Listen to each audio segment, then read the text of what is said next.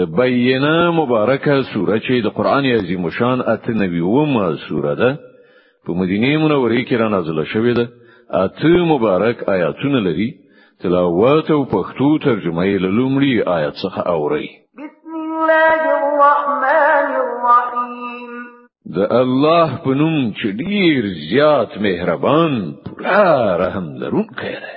لم يكن الذين كفروا من أهل الكتاب والمشركين منفكين حتى تأتيهم البينة. رسول من الله يتلو صحفا مطهرة فيها كتب قيمة.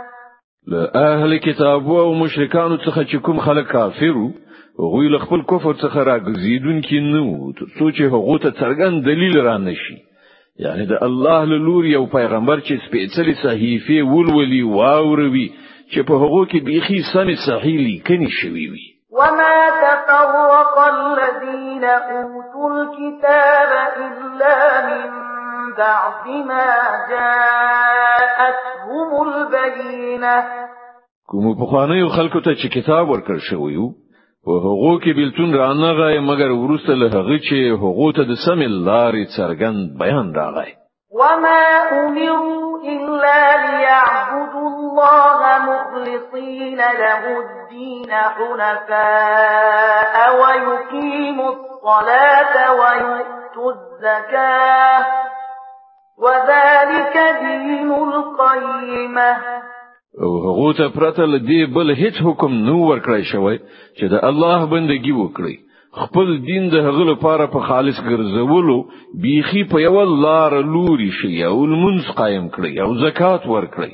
همدا ډیر زیات سم صحیح دین ده إن الذين كفروا من أهل الكتاب والمشركين في نار جهنم خالدين فيها.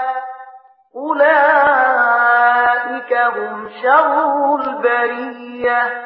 له کتاب او مشرکانو څخه چې کوم خلک کافر شوي دي دوزخ اور ته لاړ شي او د تل لپاره به پکې دا خلک تر ټولو مخلوقاتو ډیر بد دي ان الذين امنوا وعملوا الصالحات اولئك هم خير البريه. کوم خلکو چې ایمان راوړی أو کوم چې ښه عملونه کړی دي هغوی پر اختیار سره تر ټولو مخلوقاتو ډیر غوره دي.